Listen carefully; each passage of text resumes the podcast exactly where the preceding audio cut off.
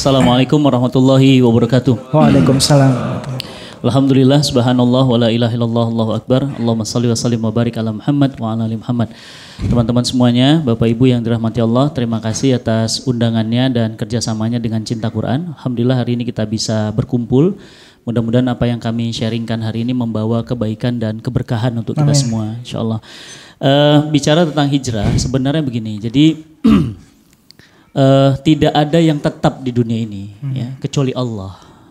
Ya, tidak ada yang tetap di dunia ini kecuali Allah. Allah itu tidak berawal, tidak berakhir. Allah itu tidak ada yang kemudian bisa mematikannya, tapi Dia menghidupkan dan mematikan. Jadi yang tidak berubah itu cuma satu, Allah. Artinya kalau antum nggak mau berubah, berarti antum sudah menjadi peran Tuhan, dan itu tidak mungkin. Yang namanya berubah itu niscaya. Coba lihat ini, hujan deras itu. Ya sebentar lagi reda. Bentar lagi itu jadi gelap, pekat itu, ya. Setelah gelap yang pekat, kemudian muncul fajar. Fajar terang, panasnya terik, jangan sombong. Kenapa? Bentar lagi juga padam. Ya, hidup ini sunatullah, tidak boleh dilawan. Apa yang namanya sunatullah? Apa itu sunatullah? Ketetapan Allah atas alam semesta. Dulu ada masa kenabian, berubah. Ada masa khilafah alamin haji nubuah, berubah.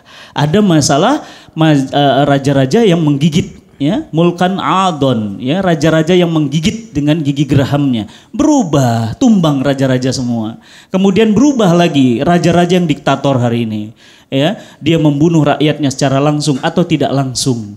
Ya, dia menipu rakyatnya ya dia kemudian mengelabui rakyatnya dia menggunakan para ulama untuk menjustifikasi tingkah lakunya raja-raja yang diktator penguasa-penguasa diktator sebentar lagi juga tumbang ya. Dan sudah di depan mata untuk menumbangkannya.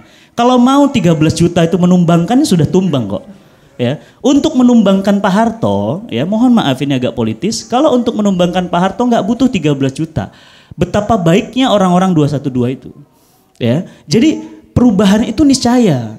Jadi kalau antum nggak mau berubah berarti antum melawan sunatullah. Gitu.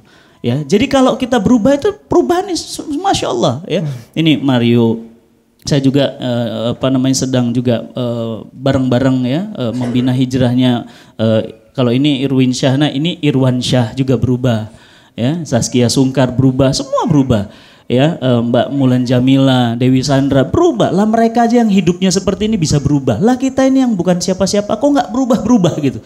Ini kan pertanyaannya ada apa dengan kita gitu? Nah jadi yang poin pertama berubah. Nabi pun begitu para sahabat dibantai ada kepala yang disisir dengan gerigi besi ada yang disiksa sahabat radhiyallahu anhu itu, ada yang disiksa dengan tangan kanannya itu ditarik kuda sebelah barat, sebelah kirinya itu ditarik sebelah kiri timur. Jadi dibelah sama kuda, badannya terbelah. Ada yang kemudian diseret, ada yang kemudian ditimpa dengan batu. Tapi penderitaan itu pasti berakhir. Tidak ada yang abadi. Allah katakan apa? Kuluman alaiha fan. Dunia ini fana. Gak ada yang selamanya jadi presiden. Gak ada yang selamanya jadi menteri. Gak ada yang selamanya hidup. Dulu ada Ustadz Hari Mukti. Sekarang sudah tidak ada. Dulu ada yang namanya Ustadz UJ, sahabat saya. Sekarang sudah tidak ada. Dulu ada yang namanya Fatih Karim. Bisa jadi sore ini juga sudah tidak ada. Tidak ada yang tidak berubah. Semuanya berubah. Kecuali Allah. Dan perubahan dari Mekah ke Madinah itu mencontohkan bahwa Nabi pun mengajak kita untuk berubah ke keadaan yang lebih baik. Tapi perlu dicatat, coba perhatikan Mekah, Madinah. Adakah Nabi menjanjikan kalau nanti berubah diganti rumahnya di Madinah? Adakah Nabi, coba cek ha, eh, apa namanya sirah nabawiyah, antum cek, pernah nggak Nabi ngomong kepada para sahabat, yuk pindah ke Madinah, nanti aku nikahkan kamu dengan gadis Madinah, aku janjikan kamu menikah di sana. Tidak.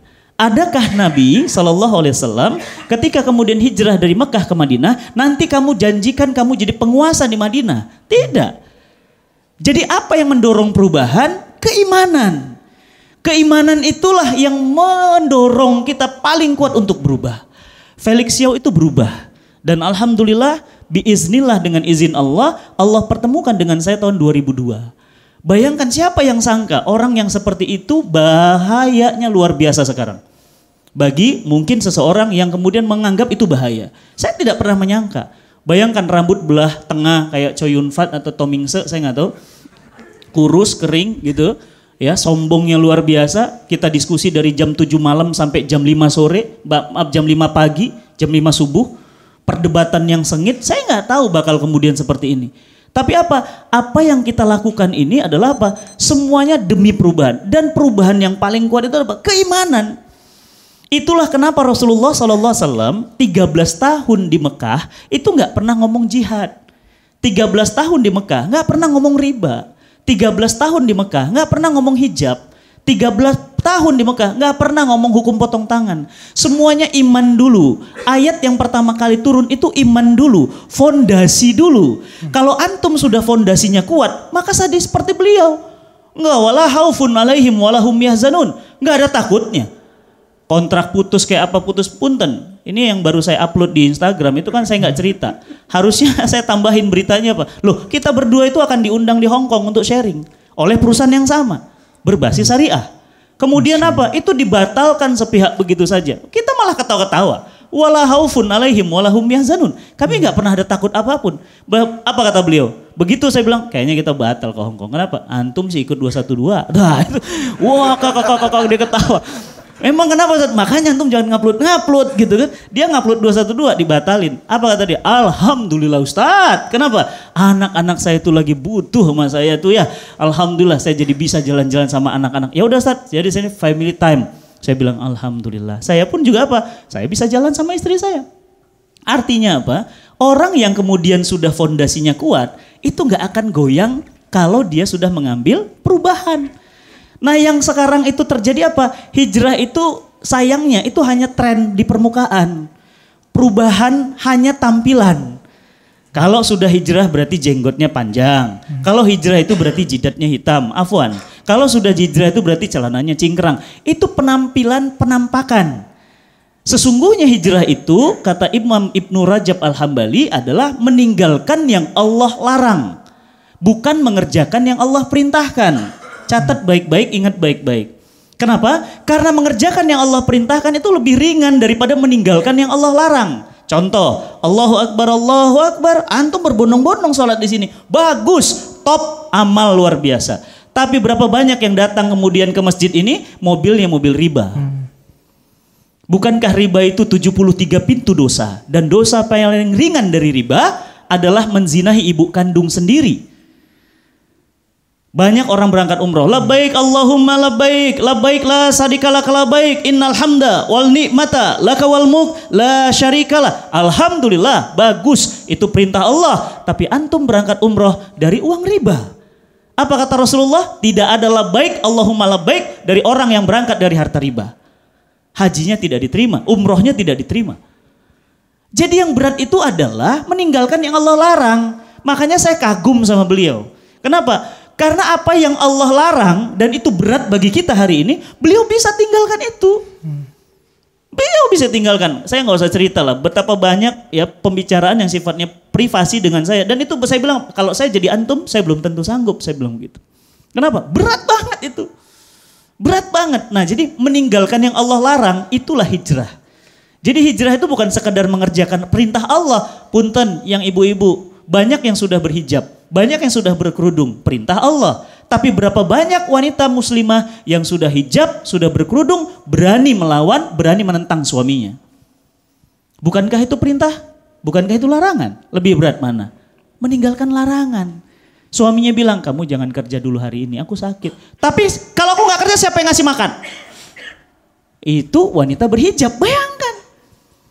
Kamu jangan ngaji dulu hari ini, stop dulu lah pengajiannya. Anak-anak lagi sakit, aku juga lagi sakit. Aku minta kamu di rumah. Mas, ini ngaji loh mas. Kamu menentang pengajian, kamu menentang perintah Allah. Bayangkan.